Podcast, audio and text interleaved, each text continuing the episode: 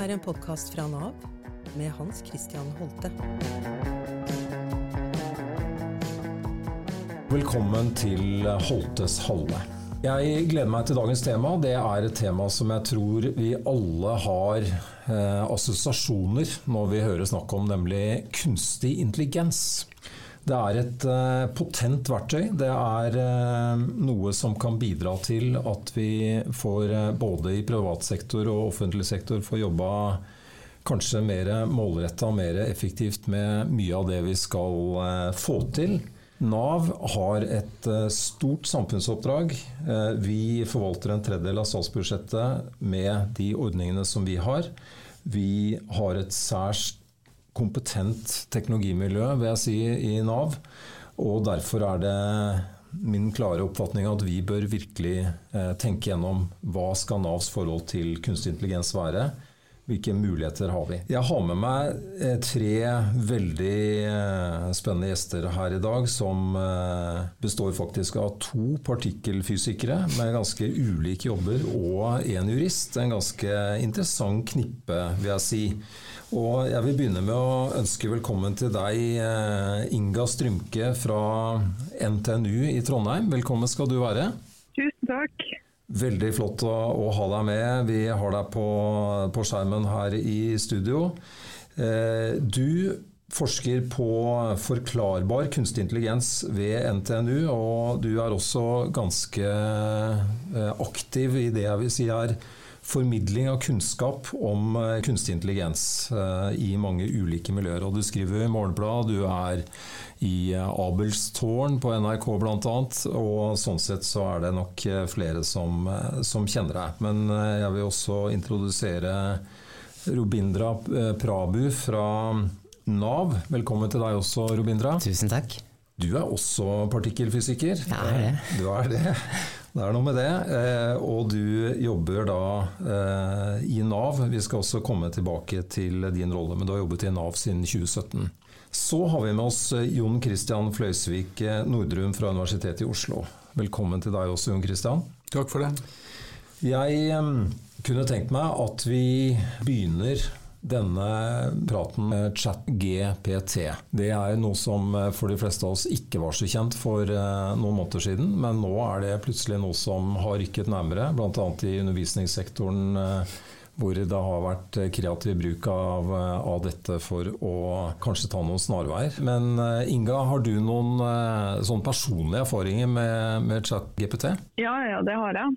Um, jeg, jeg, må jo si at jeg syns eh, ChatGPT er både fantastisk dårlige og fantastisk gode nyheter.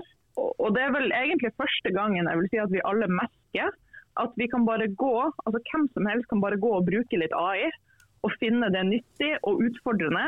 Og, eh, og umiddelbart se hvilke problemer teknologi kan skape fordi at den er så vanvittig avansert og fungerer så vanvittig bra. Jeg sjøl har fått ChatGPT til å forklare vanskelige matematiske konsepter som jeg ikke visste hvordan jeg skulle forklare. Den forklarer det på strålende vis og det har hjulpet meg i formidling. Um, men jeg har det også veldig gøy med å prøve å få den til å føre matematiske bevis, for da gjør den utrolig absurde ting, som å si at uh, to ikke er et heltall og sånt. Så jeg har, det morsomt begge veier med den. Kan ikke du rett og slett, uh, Inga, si litt om uh, absolutt alt som har vært å si for å skjønne litt hva kunstig intelligens er? Hvis du kan trekke opp, hvis jeg kan gi deg den utfordringa, trekke opp litt i de store linjene når det gjelder kunstig intelligens? Ja, altså for meg er kunstig intelligens et fagfelt som ble grunnlagt en uh, sommer i 1956, der formålet er å lage dataprogrammer som løser oppgaver på en intelligent måte. Og dette fagfeltet har vært gjennom veldig mange topper og bølgedaler med popularitet. Og det er forskjellige metoder man har hatt ståltrua på at skulle liksom løse intelligens i datamaskiner. Um, og Sånn sett er det ikke noe unikt vi, altså den perioden som vi er i nå, eller det vi opplever nå. At vi tenker nå har det skjedd. Nå har maskinene blitt intelligente, nå tar det av. Det jeg dog tenker gjør uh, den tida som vi lever i nå, i, i, i kunstig intelligens tidsregning, litt spesiell, det er at jeg, jeg, jeg, følte særlig 2022 var liksom det året der kunstig intelligens bare forlot laben. Og bare folk merker at vi har det her i våre liv og i våre arbeidsliv. Og det kan potensielt påvirke alle aspektene av livene våre. Altså medisin, i det offentlige industrien, men også ja, det at man bare kan gå og åpne en nettleser og så få tilgang til, til et kunstig intelligent eh, program. Og, og, og, Det jeg synes er særlig spesielt, da, det at vi, vi støter på det her problemet som heter misalignment på nynorsk. Nei, jeg klarer ikke å oversette det til norsk.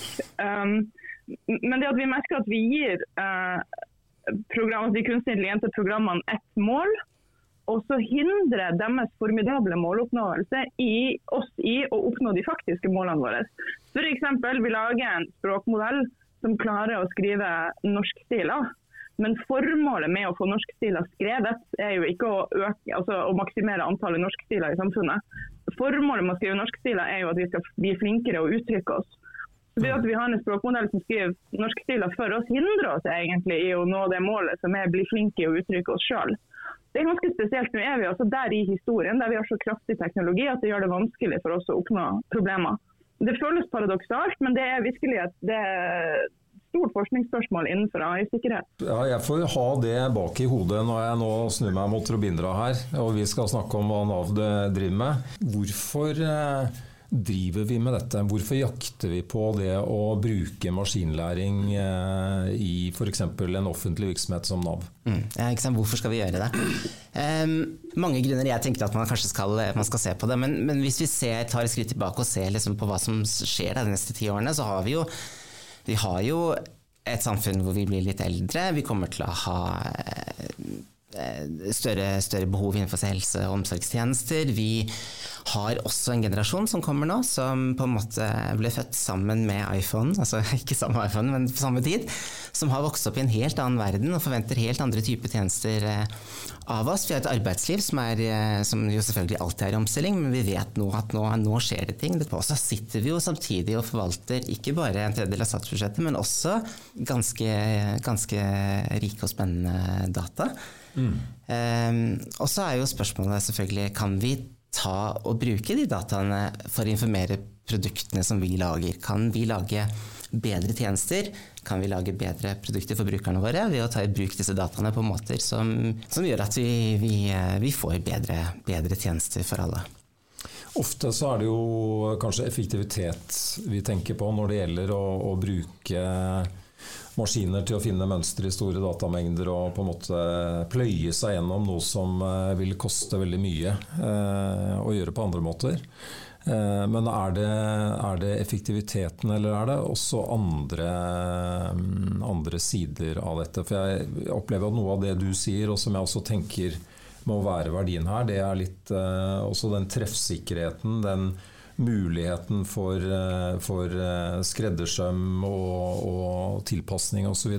Ikke sant. Jeg tenker jo, Selvfølgelig er det muligheter for effektivisering, og det er jo viktig det også, selvfølgelig. At vi gjør, klarer å få liksom, mer for mindre og alt det der. Men til syvende og sist så betyr ikke det så veldig mye, syns jeg, hvis ikke vi klarer å levere bedre tjenester til brukerne våre. Så så eh, ChatGPT, um, ja, ChatGPT for eksempel. Jeg ser jo allerede nå at nå kommer det liksom løsninger der ute. Startup som prøver å levere tjenester hvor du får skreddersydde CV-er, tilpasset stillinger og den type ting. Altså hjelpeverktøy. Vi kommer til å se at den teknologien kommer til å brukes på den, på den måten der på, på fremover. Jeg tror også at den teknologien som ligger i bunnen der, den er jo også Vi kan jo generere hjelpetekster, vi kan generere tolketjenester, vi kan oversette mellom språk. Vi kan få en helt annen omgang hvis vi vil, da, med de utfordringene som, som, noen av våre brukere har i møte med oss.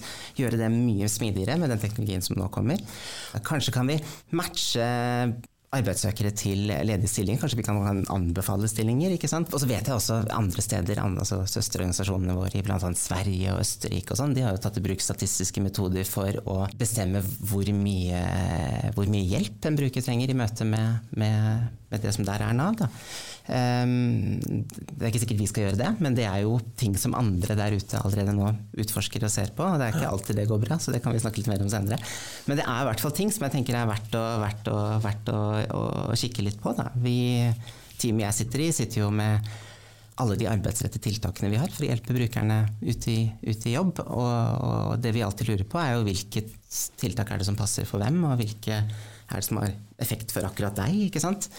Kanskje kan vi bruke noe av de dataene vi sitter på, og den teknologien her for å hjelpe oss da med å matche rett og slett brukere til ulike tiltak f.eks. som kan passe. Det er jo, eh, du setter jo eksempler her som går rett inn i kjernen av samfunnsoppdraget til Nav, rett og slett.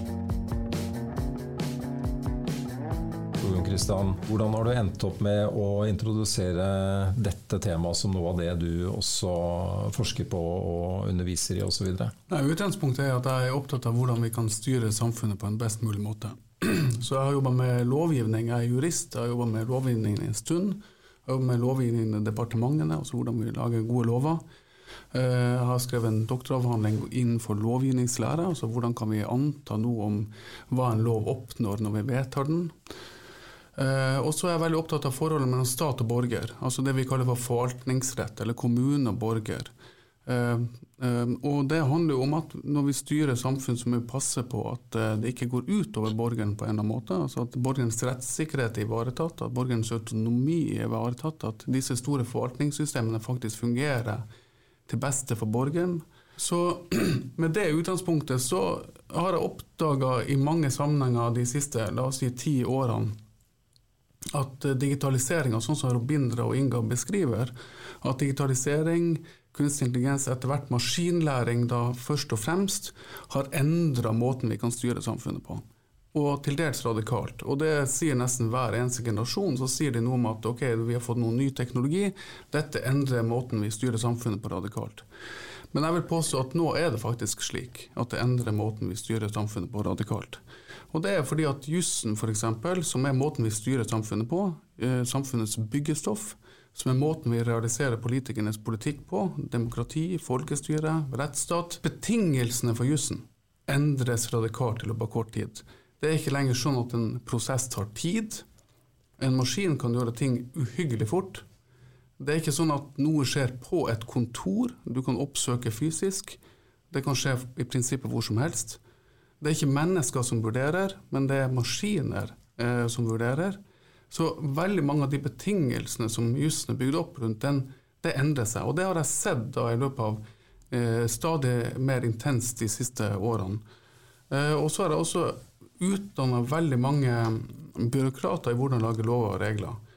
Og stadig oftere så kommer det opp spørsmål rundt bruk av teknologi. Og Det er fra så vidt ulike sektorer som fiskeriforvaltning, hvor man kan drive på med ansiktsgjenkjenning av fisk og dermed løse problemstillinger rundt rømming av oppdrettslaks fra fiskemærer, Fra tolletaten, som kan profilere de som, eller da finne ut mer effektivt hvem det er som eventuelt eh, snyter eh, avgifter. Ja. Eh, eller skatteetaten osv. Så, videre. så hele forvaltninga preges av dette området. Mm. Og da tenker jeg Som jurist så må jeg rett og slett forholde meg til dette. Jeg må, jeg må gå inn i det. Jeg, jeg, eh, merker jo som, eh, som, fritidsfisker at jeg ble veldig interessert i denne ansiktsgjenkjenningen av fisk. Eh, og om det er på Snakker vi på individnivå her? Individnivå. Ja, det er et sånt eksempel som jeg synes Jeg jobber, har jobba veldig mye med fiskeriforvaltning og også arbeidet med lovgivning på fiskeriforvaltningssiden. Og Det er et eksempel jeg syns er litt sånn øyeåpnende. For det er et miljø ved NTNU, samme sjef som Inga jobber ved, har, eller Sintef, da, som har funnet ut hvordan man kan ansiktsgjenkjenne enkeltfisk. Og det er da de tror, og det er interessant, da, for eh, Inga jobber med forklarbar eh, eh AI. Og De forskerne som har utvikla dette ansiktsgjenkjenningssystemet, de har en teori om hvordan maskinen gjenkjenner enkeltfisken. De vet ikke, de vet ikke hvordan.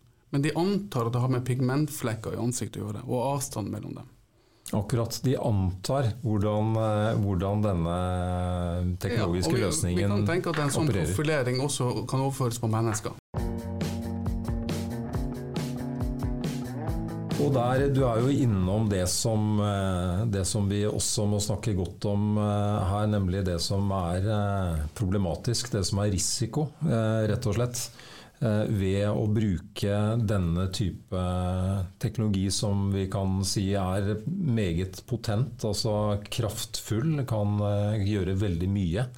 Eh, sett fra en vanlig borger i Norge sitt ståsted, hva er det hva er det vi eh, risikerer i det norske samfunnet hvis vi ikke gjør dette på en god måte? Fra et borgerperspektiv så kan man tenke at En grunnleggende forutsetning for å kunne være en handlende borger i samfunnet, autonom borger i samfunnet, er at du forstår samfunnet rundt deg. At du forstår noenlunde hva som skjer.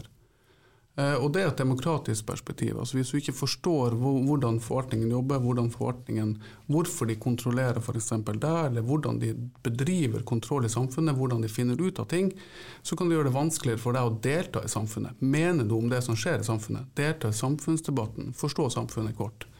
Men det kan også for deg som borger gjøre at du eh, mister rettsstatlige eh, garantier. Altså F.eks. det at du blir singla ut til en kontroll. Fordi at du er profilert, fordi at maskinen gjenkjenner egenskaper ved deg eller ved en gruppe som du tilhører. Eller kanskje fordi at det nettopp handler om en bakenforliggende variabel, etnisitet eller sosial tilhørighet. Så du kan risikere som borger å bli utsatt for en kontroll du ikke forstår grunnlaget for, fordi en maskin har funnet ut det. Og så er det også sånn at du digitalt utenforskap, eller det kan være vanskeligere som handlende borger å få f.eks. tatt i tatt imot motmæle mot en maskin, argumentere med en maskin. Det er ikke nødvendigvis lett. Det skjer ikke på det språket som du er vant til å bruke. Det skjer på andre arenaer. Det er vanskelig rett og slett å være et handlende menneske. Dette er jo ganske ja, tankevekkende perspektiver du trekker opp, eh, Jon Christian. Jeg kunne tenkt meg å høre litt med, deg igjen. Eh, Inga, hvordan du, hvordan du, ser på altså noen av disse litt mer sånne risikoområdene som, eh, som Jon Christian tar opp her? Ja, altså Jeg satt jo og dykka på meg whiplash mens Jon Christian snakka. Altså, jeg mener jo at eh, forståelse er så fantastisk viktig for å bevare eh, menneskelig styring og autonomi. At vi beholder aktørskapet i livene våre. Det er jo derfor jeg har valgt å forske på akkurat det jeg har, altså forklaring av maskinlæringsmodeller. Og For meg så strekker det seg hele veien fra vitenskapelige spørsmål som hvis en maskin løser et forskningsproblem eh, som vi ikke klarer å løse, hva har den skjønt, hva kan vi lære her om universet vi lever i, men også helt til hvilke forklaringer må vi gi mennesker for å gi dem tilstrekkelig informasjon til å ivareta sine egne interesser, men også til, til, til å ikke ta fra dem autonomien sin. da. Og En viktig avklaring jeg synes i denne sammenhengen er forskjellen mellom frihet og autonomi. Mm. Fordi Når vi ser for oss den klassiske AI-dystopier, så er det så er det stort sett roboter med, med røde øyne og laservåpen ikke sant? som tar fra oss frihet. Stenger oss inne eller skyter på oss. eller i det hele tatt. Men jeg tenker at når friheten til mennesker blir tatt fra oss, så blir vi aktive. For vi tenker nei, jeg vil noe og jeg mister den muligheten. Det liker jeg ikke, her må jeg gjøre noe. Men det som kommer før frihet, så frihet er på en måte anledninga til å leve ut ønskene sine.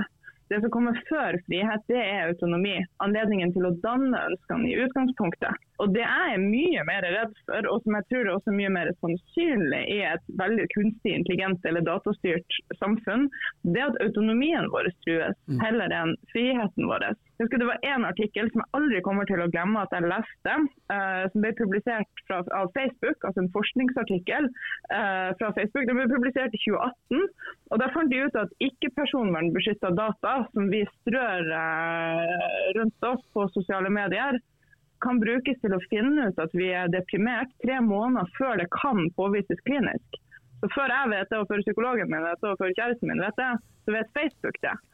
Og Dette er informasjon som ikke Facebook henter ut fordi de er onde og slemme.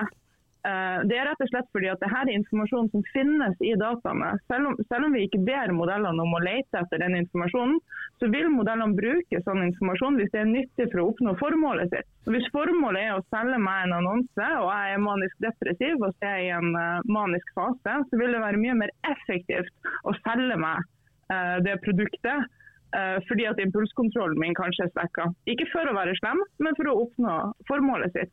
Og mm. Da tenker jeg at da ligger menneskelig autonomi på blokka. Virkelig.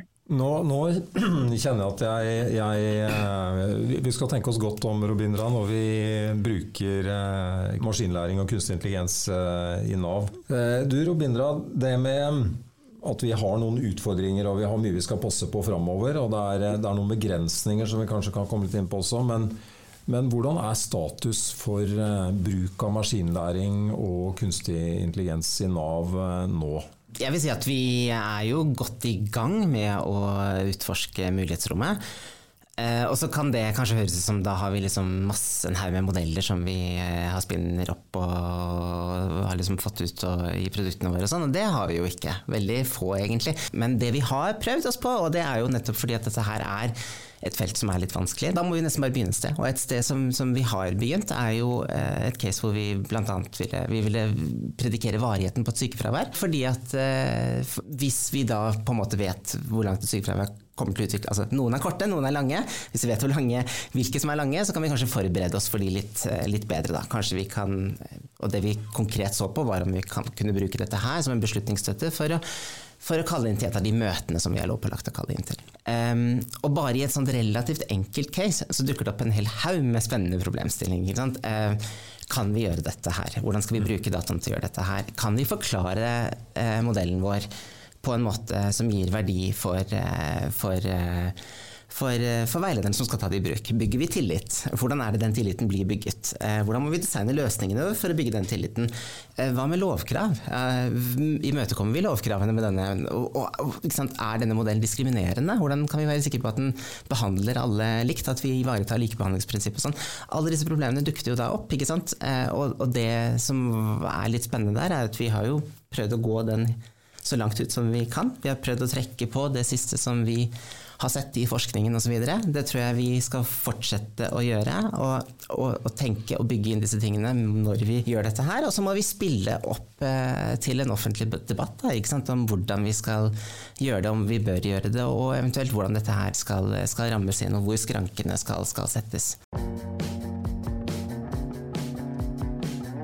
Nå hørte jo du, Jon Kristian, også Robindra nevnte her um, sånn at vi også kan bruke den teknologien til å sikre personvernhensyn, rett og slett. Så, så, det er litt sånn ulike tilnærminger her. Men du har nylig skrevet en artikkel hvor du også, sammen med Ingunn Ikdal eh, på Universitetet i Oslo, som, eh, som også trekker opp en sånn mulig eh, dystopi, kan vi vel si, om eh, altså i hvert fall peker på en del risiko eh, knyttet til eh, bruk av maskinlæring og, og kunstig intelligens eh, i velferdssamfunnet vårt, rett og slett velferdsstaten i Norge. Kan ikke du si litt om hva dere finner der? Et grunnleggende poeng som vi eh, har i denne artikkelen, er at vi mener at eh, denne teknologien må brukes ikke bare for å fremme effektivitet, men også demokrati og rettsstat. Altså Man må bruke teknologien bredt og balansert for å ivareta alle de hensynene som vi tufter vår, vårt demokrati og vår rettsstat på. Eh, og som jeg tror det var Inga som sa det, at disse verktøyene gir en formidabel måloppnåelse. Uh, og, og, I innledninga sa du Hans Christian, at det er viktig, dette er teknologi som kan hjelpe oss å jobbe mer uh, eh, målretta og, eff og, effektivisere. Og Det vil man jo tenke når man sitter i forvaltninga, og det er viktig når man sitter i Nav, når man sitter i skatteforvaltningen eller sitter i tolletaten, at man tenker at vi skal nå målene for vår forvaltning effektivt. Men da kan det være at man blir for enspora, og at den målrealiseringa blir for, for, for sterk, at man glemmer en del på veien. fordi Autonomi f.eks. og frihet, som Inga nevnte, det er i utgangspunktet ikke nødvendigvis effektivt. Altså det at man setter folk i stand til å handle på egne vegne, og ønske å danne ønsker og handle i tråd med de ønskene, det er ikke nødvendigvis effektivt. Så i denne artikkelen så har vi jo en liten sånn uh, henspeiling på uh, Aldous Huxley sin 'Brave New World', så 'Vidunderlig nye verden' i norske oversettelser. Og Den er det jo den boka den frem, maler jo en sånn fremtidsdystopi. Eh, bruk av teknologi for å lage et veldig veldig effektivt samfunn. Og I den boka så er det et sitat, jeg husker ikke helt nøyaktig, men jeg tror de sier at denne friheten, som er så ineffektivt og leder til misere Fordi at valg eh, kan, borgernes valg kan være ganske så ufornuftige. Men det er en del av det å være menneske. Det å fatte ufornuftige valg. Så en del av dette går på at vi kan risikere å tape helt fundamentale verdier. Borgernes autonomi, vi kan innskrenke friheten deres, og vi kan også gjøre vold på andre verdier, sånn som at vi kan rett og slett opptre rasistisk eller diskriminerende. Eller vi kan gjøre urett, direkte urett, ved at vi ikke forstår hvordan teknologien fungerer, og dermed gjør feil så risikoen for systematiske feil øker radikalt. Hvis først noe går galt, så kan veldig mye gå galt. Noe av det dere påpeker eh, også i denne artikkelen, er jo noen helt konkrete eksempler på eh, systematiske feil som har skjedd eh, i andre land. Kan ikke du gi et eksempel eller to på, mm. på, hva som har skjedd? Der vi ser det først, er jo i kontroll- og tilsynsvirksomhet, og også når forvaltningen reagerer, sanksjonerer, straffer for at noen har gjort noe galt, eller fordi forvaltningen tror at de har gjort noe galt. Og de to kanskje mest kjente sakene, eller Nederland er et sånn foregangsland, fordi Nederland ofte er tidlig ute med, med nye former, nye forvaltningsmåter, og de vært, er veldig flinke. Og Der er Syris-saken et sånn klassisk eksempel, og den begynner jo, man omtaler den som om den skulle vært eldgammel, men den er jo fra 2019, så det er ikke så veldig lenge siden. Men det, det var da trygdeforvaltninga som lagde et profileringssystem, altså de brukte eldre, gamle data på tidligere eh, trygdemisbrukssaker og fikk en maskinlæringsalgoritme til å prøve å gjenkjenne i en mengde data hvem som da var presumptivt kunne begå fremtidige eh, trygdemisbruks... Eller misbruke Altså eh, motta trygdetjenester som de ikke hadde krav på. Eh, og så viser det seg at eh, for det første så var det jo vanskelig å forklare denne modellen, og den traff etter hvert veldig skjevt. Den traff på mye mer på folk med lav sosioøkonomisk status, folk som bodde i bestemte områder. Så man kunne tenke seg at den opptrådte rasistisk. Uh, og Domstolen fant at den stred mot EMK artikkel 8, altså den europeiske menneskerettskommisjonen uh, artikkel 8 om, om, retten til privatliv. I over i går så fattet den tyske forfatningsdomstolen en dom hvor de sa at et, et politi, en politiprofileringssystem i, brukt i, bl.a. i Hamburg Eh, stred mot eh, den tyske konstitusjonen, artikkel 2, om eh, retten til privatliv. Så det, det, det, er bare, det kommer flere og flere sånne saker, så eksemplene er mange. Men det som er å si, er at det er veldig mange av de eksemplene som går på kontroll og reaksjoner. Det som jeg syns er litt skumlere og vanskeligere å få øye på, er de poengene som eh, Inga peker på, nettopp de at man overtar, at man reduserer borgernes autonomi, man reduserer borgernes evne til å forstå samfunnet rundt seg. Um, nei, jeg er jo veldig langt på vei enig, enig med alt det som blir sagt. Altså, vil jeg altså liksom slenge ut der at det, det, som jeg ofte syns forsvinner i en sånn diskusjon, det er jo Det er jo ikke nødvendigvis, tenker jeg, en automatikk i at, behøver, at man behøver å kaste, kaste ut uh, borgernes autonomi. Ehm, ikke sant? Det, det, absolutt, det kan, det kan, skje, og det er ikke en plug and play-teknologi. Men jeg syns også det er litt spennende at det er en teknologi som tilbyr nye verktøy for å Ehm, F.eks. Eh, si noe om, eh, om, om, om, hvordan ulike grupper blir, blir behandlet. Da, Så helt riktig at, vi, at, det, at, at, når du skalerer opp? Sånn, Marcel, altså, sannsynligheten for, for feil, den, den, den, når du kjører en modell som skal liksom virke på hele landet, så er det klart at da setter du jo, setter du jo strøm på den feilen, ikke sant. Eh, det, det blir stort. Men samtidig så får du noen verktøy for å sjekke dette her på, på forhånd. Og det er kanskje ikke perfekte verktøy, men jeg syns det er verktøy som det er verdt å utforske. Verktøy som vi bør ta med oss inn og videre. fordi at eh, når vi nå skal snakke om hvordan er det hvordan er det denne teknologien eh, legger press på, på, på viktige rettsstatsprinsipper? Så syns jeg også at vi bør snakke om er det, er det noen verktøy som, som, som også kommer med teknologien, som gjør at vi kanskje kan ivareta disse tingene. Kanskje vi ikke kan det, men det bør vi utforske. Kanskje vi til og med kan gjøre det bedre hvis vi bare tenker nytt rundt hva som er en, en, en, en forklaring, hva som er en, rettferdig modell. Mm. Inga? Jeg er helt enig med det Robindra sier. og jeg tenker at Det vi merker her nå, det er at vi har fått oss rett og slett en så stor hammer at vi kan eh, banke spiker mer effektivt enn noen gang før, men vi kan også slå hverandre i hodet hardere enn noen gang før. Så Oppsidepotensialet med denne teknologien er enormt, men da er jo det tilsvarende nedsidepotensialet også kjempestort. Det jeg tenker at vi har et ansvar for å gjøre, det er å bli enige om hvordan vi har lyst til å bruke denne teknologien sånn at samfunnet blir bedre. Og Det er, det er lett å gå seg bort i dystopier og eksempler på hvordan vi absolutt ikke vil ha det, fordi at de, de svir mest. Og vi er, jo, vi er jo en gang sånn vi mennesker at når det går galt og når det er en katastrofe, så fenger det oppmerksomheten vår veldig. Det her er jo en stor del av grunnen til at jeg skulle ønske at vi hadde ja, tilsyn med maskinlæringsmodeller. For da tenker jeg at da hadde vi vært tvunget til å sette oss ned og skrive en liten sånn spesifikasjon for hvilke krav vi har til dem, hvordan de må oppføre seg for at de skal være eh, altså, i, i, tråd med våre verdier. Og da, og hjelpe oss å gjøre samfunnet til en bedre plass. Fordi, altså, Som jeg sa innledningsvis, så har vi maskineringsmodeller som løser forskningsspørsmål vi mennesker ikke klarer å løse. Vi har anledning her til å løse problemer på en mer intelligent måte enn noen gang før. Samfunnet har blitt så komplekst at det er ingen av oss som har oversikt over alt sammen, alle faktorene som spiller inn lenger. Vi trenger hjelp av mer avansert intelligens enn det vi mennesker har og mer avanserte dataanalysemetoder enn vi mennesker klarer å utvikle. Så eh, jeg tenker at det, er, det, det vi absolutt trenger å gjøre, det er heller, egentlig det dere gjør i Nav da. Si ok, her har vi en, en tråd som vi har lyst til å gå etter. det her er det vi har lyst til å levere og det her samfunnsformålet vi har lyst til å tjene. Hvordan skal vi bruke denne teknologien for å gjøre det? Jeg merker at jeg blir sånn vekselvis eh, litt skremt og, fascinert eh, når, eh, når, den samtalen her ruller videre. Jeg har lyst til, og vi, vi, drar oss litt mot slutten her, men jeg har lyst til å litt over til deg, Jon Christian. Fordi Inga nevner dette med ønsker seg rett og slett et nytt tilsyn.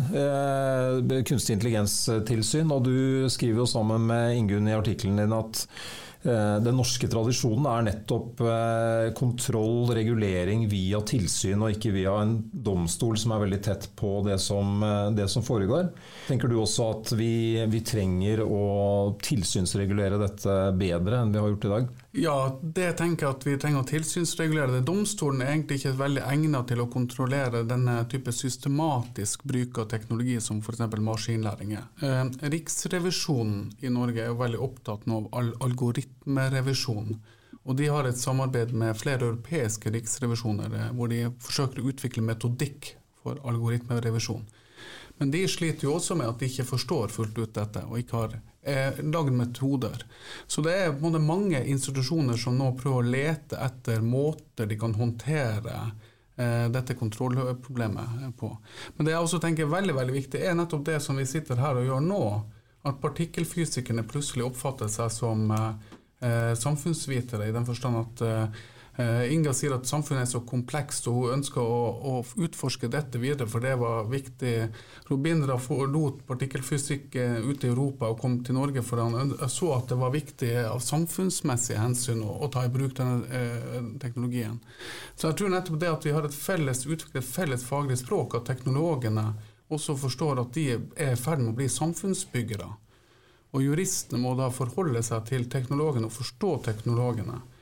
Eh, så den der fellesdialogen, og da tenker jeg både innenfor vitenskap, men også innenfor forvaltningsorganet, det at vi jobber sammen. For Det er nok en tendens nå til at man forsøker å utvikle teknologiske systemer og verktøy og metoder, og så kommer man til juristen til slutt som en slags utsjekk. Er dette lovlig? Eh, og som kan være et spørsmål som høres ut som det gir mening, men som egentlig ikke ofte så gir så mye mening. Poenget er at man skal utvikle gode løsninger, lovlige løsninger. Man skal ikke utvikle en løsning og så spørre om den er lovlig. Du er ikke den første juristen som eh, kommer til meg og gjerne vil eh, kobles inn litt tidligere enn dere har gjort i prosessen, og det tror jeg er et veldig godt prinsipp, rett og slett, det du sier der. Jeg jeg tror også at noe av det som kan bli bedre i Norge i dag eh, på dette området, er rett og slett den store samfunnsdebatten om det, den politiske innsikten i det. At her er det mye som den enkelte virksomheten strever med, som diskuteres i akademiske miljøer osv., men som egentlig som samfunnsdebatt kanskje ikke er veldig moden. Og det, det syns jeg vil være veldig riktig, egentlig, og også spennende å, å få til. fordi her er det ikke sånn at Nav eller andre virksomheter har en helt spesiell rolle i forhold til disse grunnleggende spørsmålene som dere tar opp. Det er mer snakk om at vi som samfunn må finne noen gode balansepunkter her eh, i det vi diskuterer. Jeg har lyst til eh, å gi deg en siste mulighet, Inga, til å eh, si noe om hvor du tror eh, vi er La oss ta Nav da som eksempel. I 2030. Det er noen få år til. Hvis du skal eh, tenke på hva kunstig intelligens og maskinlæring kan har gjort med, med, velferdsforvaltningen i Norge? Det er et stort spørsmål, vet jeg, men hvis du vil bare ta noen raske refleksjoner om det?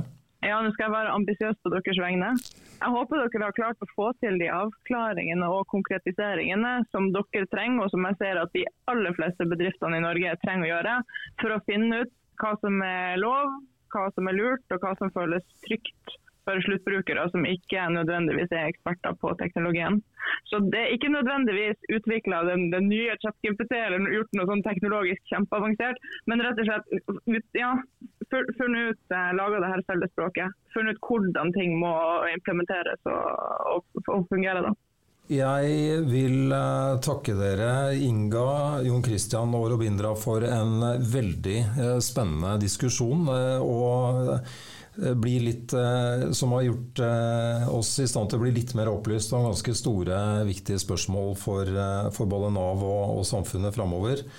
Jeg benyttet sjansen her underveis til å stille ChatGPT et gi den en liten utfordring. Jeg skrev her nå rett før eh, tampen Skriv et haiku-dikt om kunstig intelligens, Nav, ekspertene Jon Christian, Robindra og Inga. Og da, i løpet av ett sekund, så kom da kom da ChatGPT med følgende haiku-dikt. Kunstig intelligens, Nav, Robindra, Inga, Jon Christian, eksperter på vei. Så det er, det er omtrent bare i grunnen å gjenta bestillingen. Eh, det må sies. Men uansett, den leverer jo på oppgaven på et vis. Jeg tror ikke det er poesien som kanskje er den sterkeste fronten for eh, ChatGPT akkurat, eh, akkurat nå. Tusen takk for en spennende diskusjon.